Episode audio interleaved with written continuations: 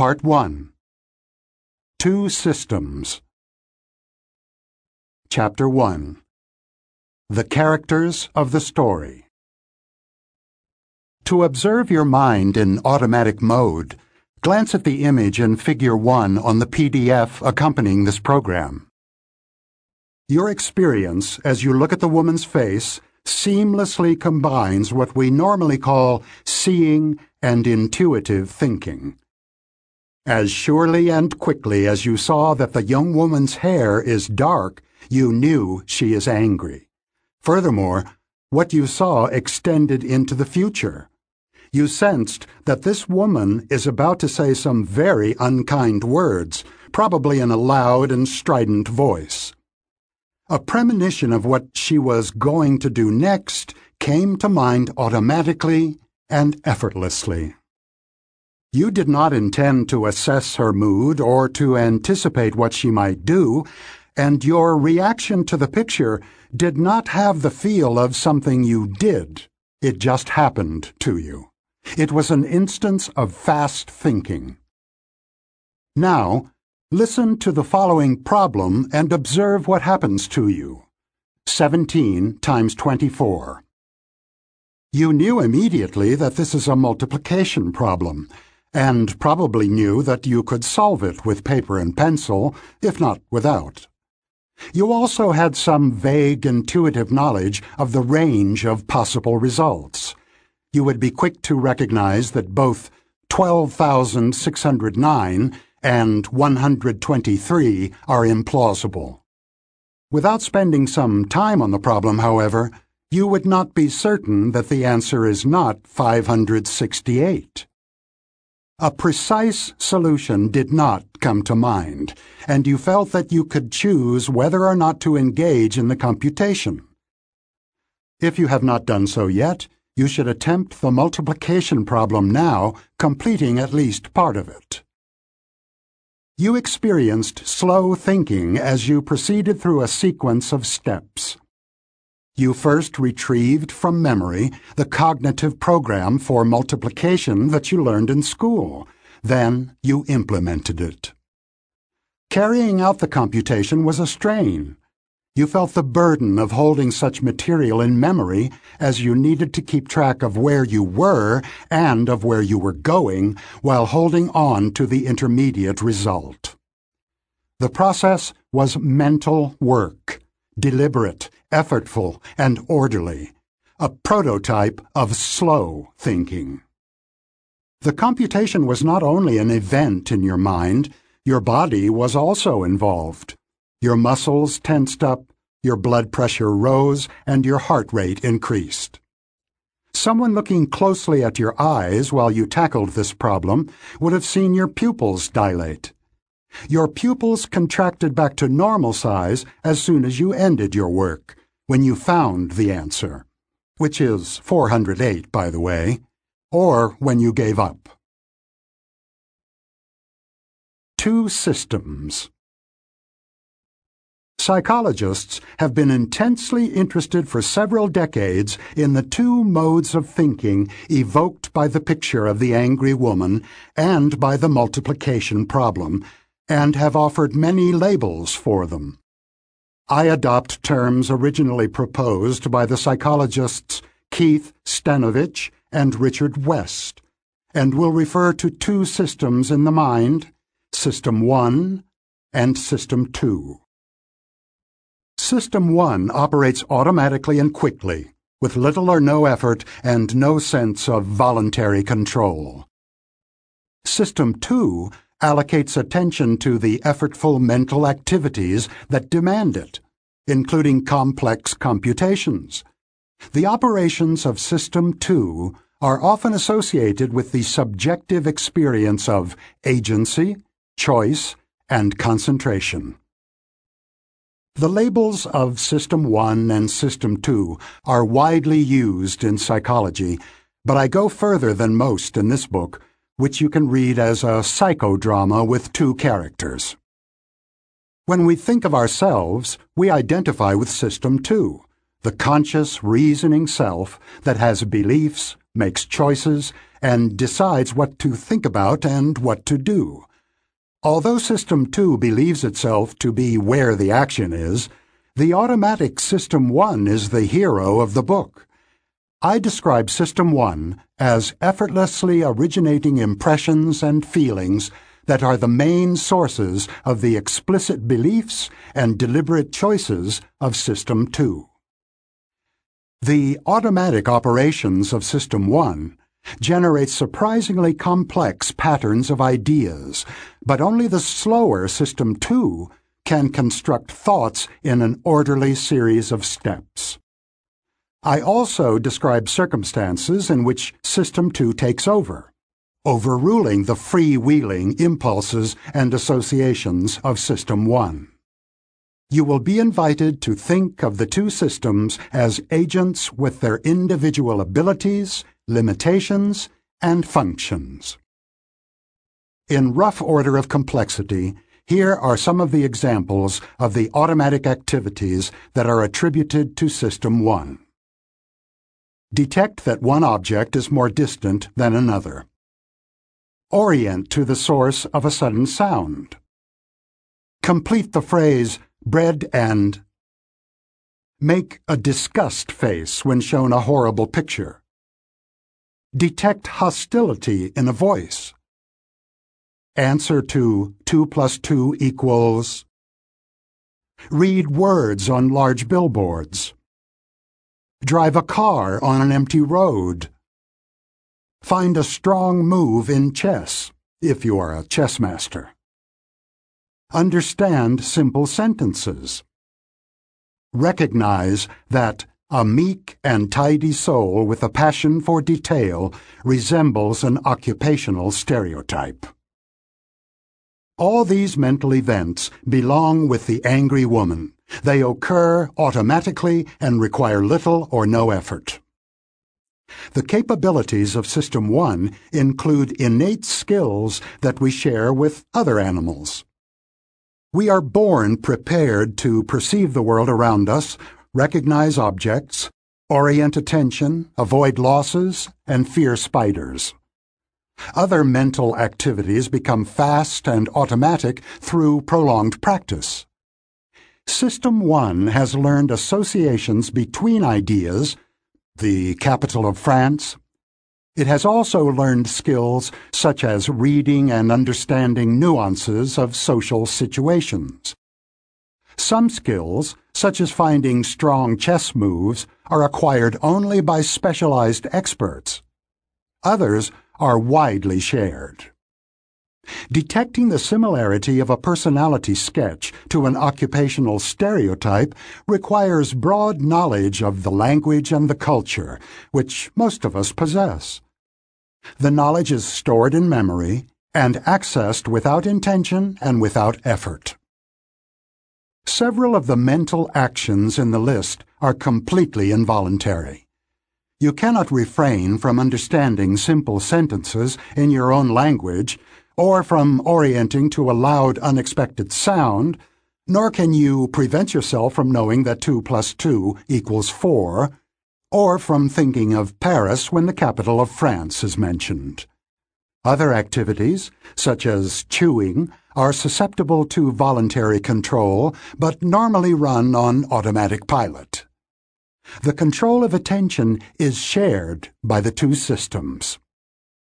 Orienting to a loud sound is normally an involuntary operation of System 1, which immediately mobilizes the voluntary attention of System 2.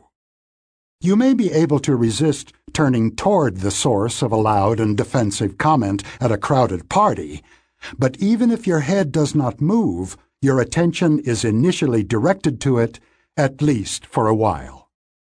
However, Attention can be moved away from an unwanted focus primarily by focusing intently on another target. The highly diverse operations of System 2 have one feature in common. They require attention and are disrupted when attention is drawn away. Here are some examples. Brace for the starter gun in a race. Focus attention on the clowns in the circus. Focus on the voice of a particular person in a crowded and noisy room. Look for a woman with white hair. Search memory to identify a surprising sound. Maintain a faster walking speed than is natural for you. Monitor the appropriateness of your behavior in a social situation. Count the occurrences of the letter A in a page of text. Tell someone your phone number. Park in a narrow space, for most people except garage attendants. Compare two washing machines for overall value. Fill out a tax form. Check the validity of a complex logical argument. In all these situations, you must pay attention, and you will perform less well, or not at all, if you are not ready or if your attention is directed inappropriately. System 2 has some ability to change the way System 1 works by programming the normally automatic functions of attention and memory. When waiting for a relative at a busy train station, for example, you can set yourself at will to look for a white-haired woman or a bearded man and thereby increase the likelihood of detecting your relative from a distance. You can set your memory to search for capital cities that start with N, or for French existentialist novels.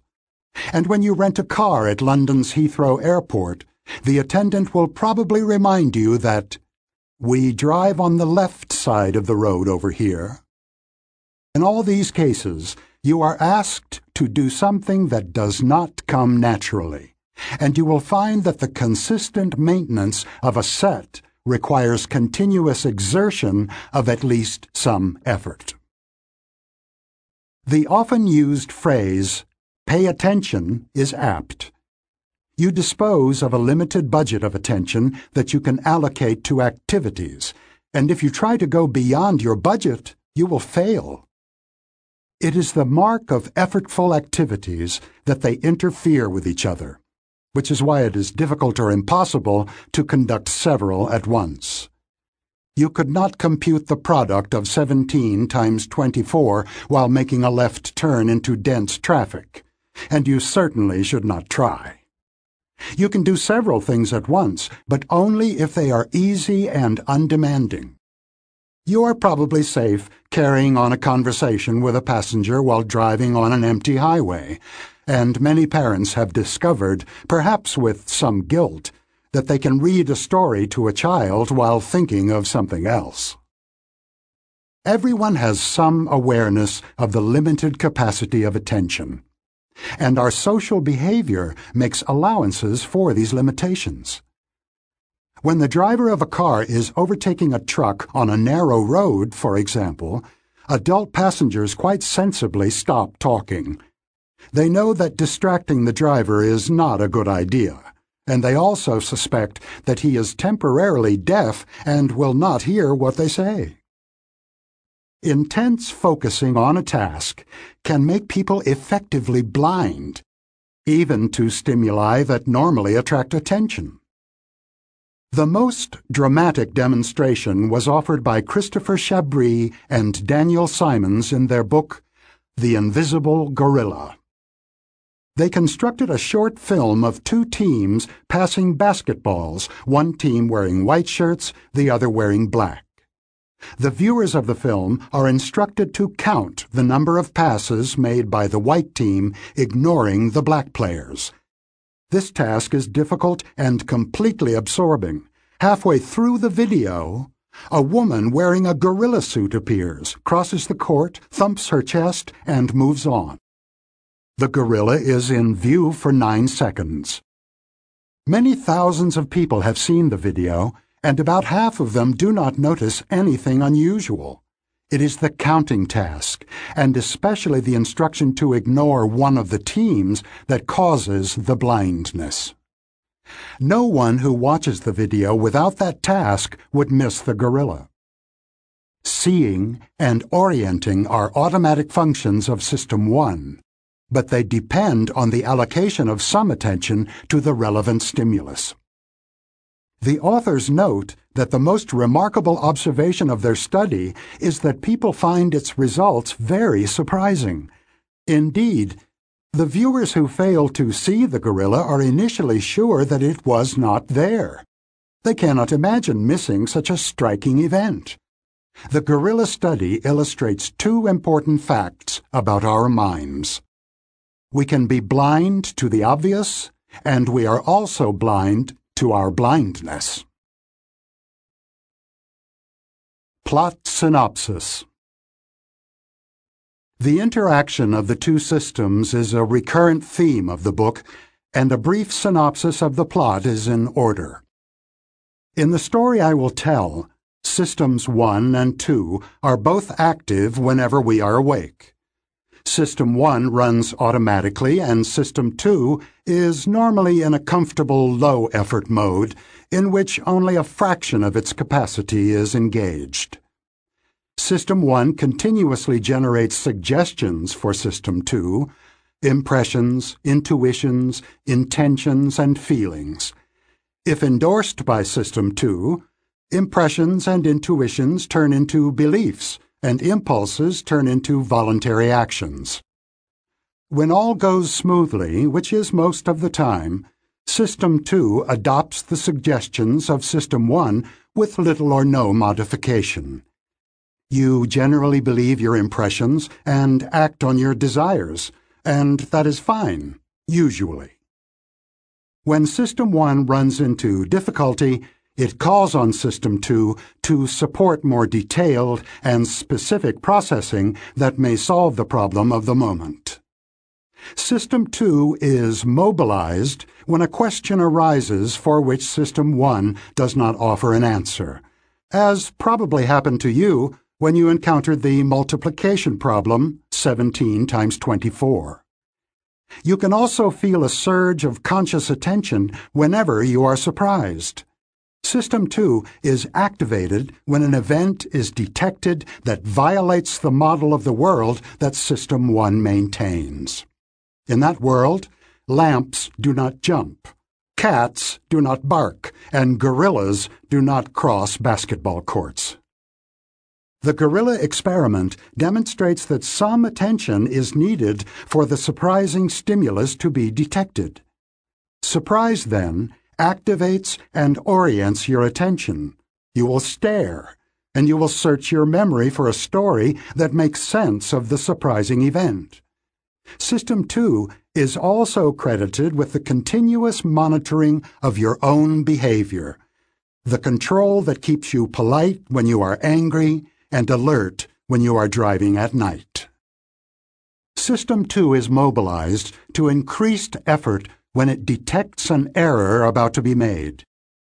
Remember a time when you almost blurted out an offensive remark and note how hard you worked to restore control. In summary, most of what you, your System 2, think and do originates in your System 1, but System 2 takes over when things get difficult, and it normally has the last word. The division of labor between System 1 and System 2 is highly efficient. It minimizes effort and optimizes performance. The arrangement works well most of the time because System 1 is generally very good at what it does. Its models of familiar situations are accurate. Its short-term predictions are usually accurate as well and its initial reactions to challenges are swift and generally appropriate. System 1 has biases, however, systematic errors that it is prone to make in specified circumstances. As we shall see, it sometimes answers easier questions than the one it was asked, and it has little understanding of logic and statistics. One further limitation of System 1 is that it cannot be turned off. If you are shown a word on a screen in a language you know, you will read it, unless your attention is totally focused elsewhere. Conflict Figure 2 is a variant of a classic experiment that produces a conflict between the two systems. You should try the exercise before listening on. Please refer to Figure 2 on the PDF. Your first task is to go down both columns, calling out whether each word is printed in lowercase or in uppercase.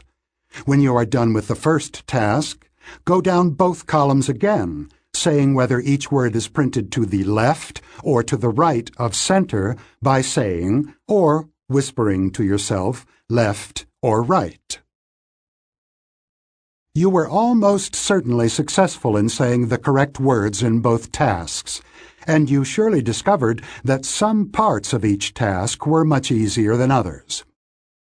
When you identified upper and lowercase, the left-hand column was easy and the right-hand column caused you to slow down and perhaps to stammer or stumble. When you named the position of words, the left-hand column was difficult and the right-hand column was much easier. These tasks engage System 2 because saying upper slash lower or right slash left is not what you routinely do when looking down a column of words.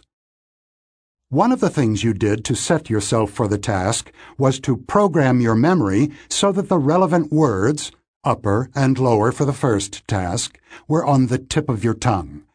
The prioritizing of the chosen words is effective, and the mild temptation to read other words was fairly easy to resist when you went through the first column.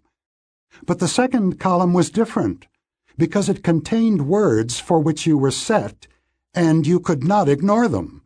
You were mostly able to respond correctly, but overcoming the competing response was a strain, and it slowed you down.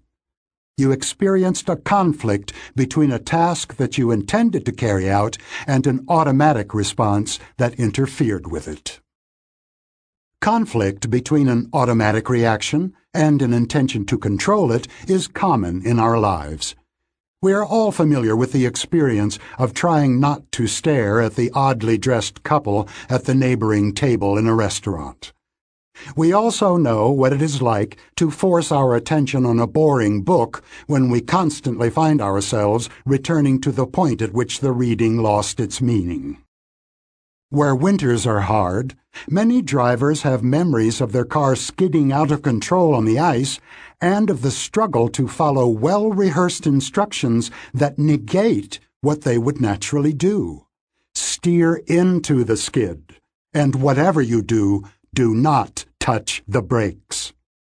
And every human being has had the experience of not telling someone to go to hell. One of the tasks of System 2 is to overcome the impulses of System 1. In other words, System 2 is in charge of self-control. Illusions To appreciate the autonomy of System 1, as well as the distinction between impressions and beliefs, take a good look at Figure 3 on the PDF. This picture is unremarkable. Two horizontal lines of different lengths, with fins appended, pointing in different directions. The bottom line is obviously longer than the one above it. That is what we all see, and we naturally believe what we see. If you have already encountered this image, however, you recognize it as the famous Müller-Lyer illusion.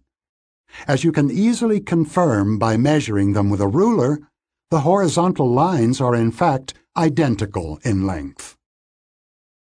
Now that you have measured the lines, you, your System 2, the conscious being you call I, have a new belief. You know that the lines are equally long.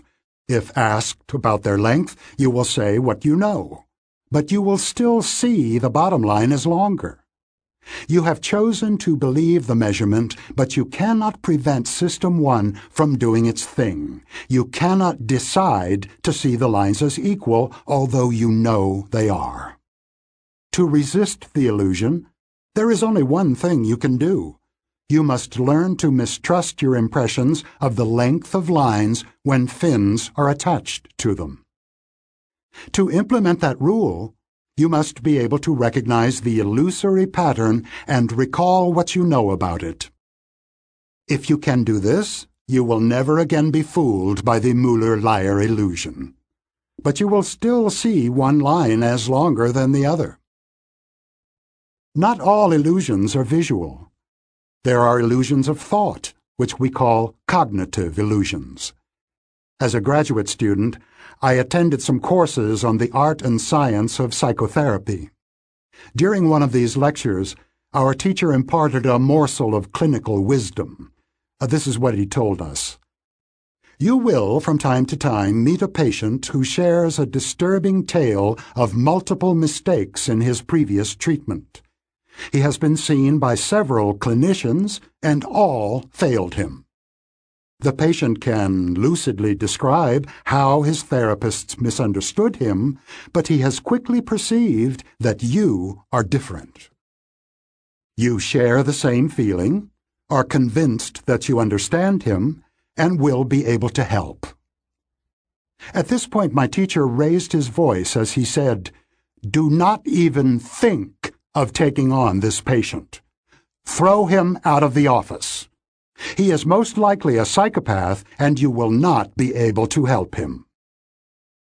Many years later, I learned that the teacher had warned us against psychopathic charm, and the leading authority in the study of psychopathy confirmed that the teacher's advice was sound. The analogy to the Mueller-Lyer illusion is close. What we were being taught was not how to feel about that patient. Our teacher took it for granted that the sympathy we would feel for the patient would not be under our control. It would arise from System 1. Furthermore, we were not being taught to be generally suspicious of our feelings about patients. We were told that a strong attraction to a patient with a repeated history of failed treatment is a danger sign like the fins on the parallel lines. It is an illusion, a cognitive illusion, and I, System 2, was taught how to recognize it and advised not to believe it or act on it. The question that is most often asked about cognitive illusions is whether they can be overcome. The message of these examples is not encouraging because System 1 operates automatically and cannot be turned off at will. Errors of intuitive thought are often difficult to prevent.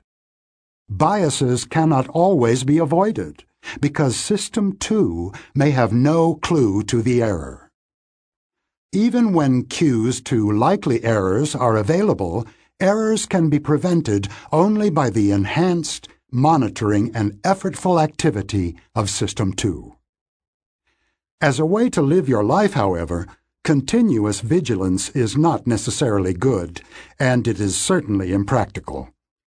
Constantly questioning our own thinking would be impossibly tedious, and System 2 is much too slow and inefficient to serve as a substitute for System 1 in making routine decisions. The best we can do is a compromise. Learn to recognize situations in which mistakes are likely and try harder to avoid significant mistakes when the stakes are high. The premise of this book is that it is easier to recognize other people's mistakes than our own. Useful Fictions you have been invited to think of the two systems as agents within the mind, with their individual personalities, abilities, and limitations. I will often use sentences in which the systems are the subjects, such as, System 2 calculates products.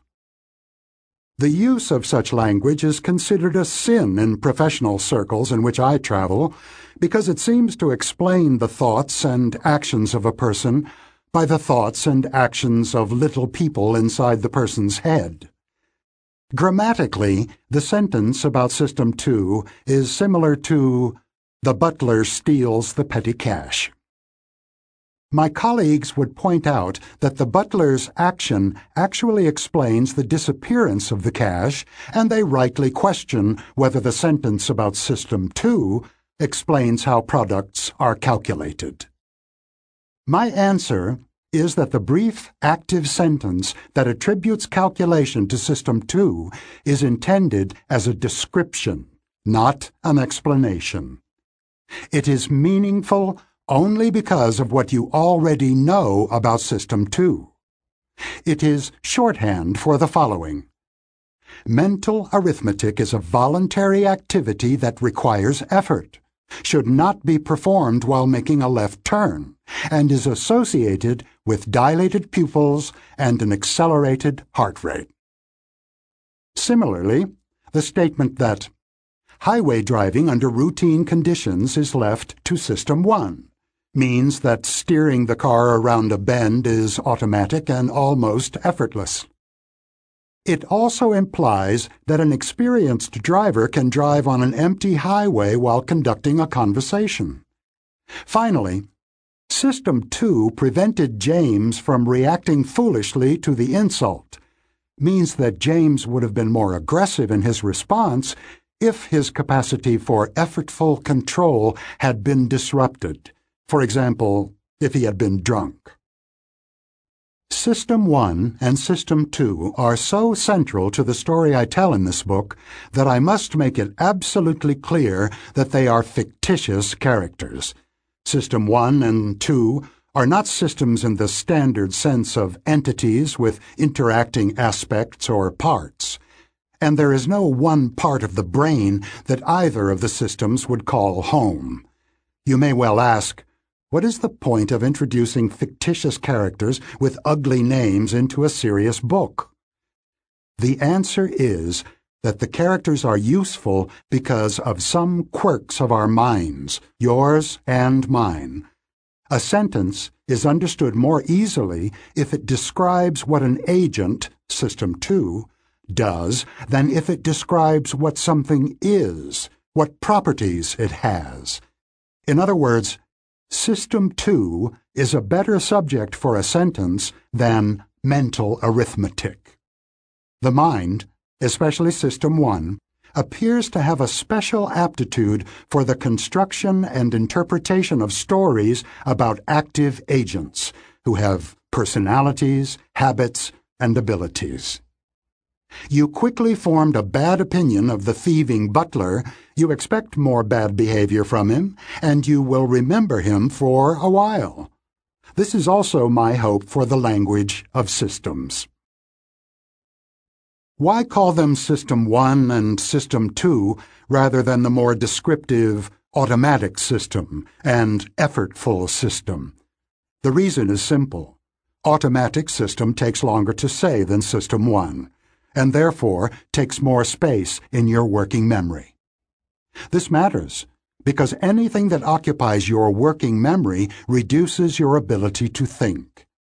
You should treat System 1 and System 2 as nicknames, like Bob and Joe, identifying characters that you will get to know over the course of this book.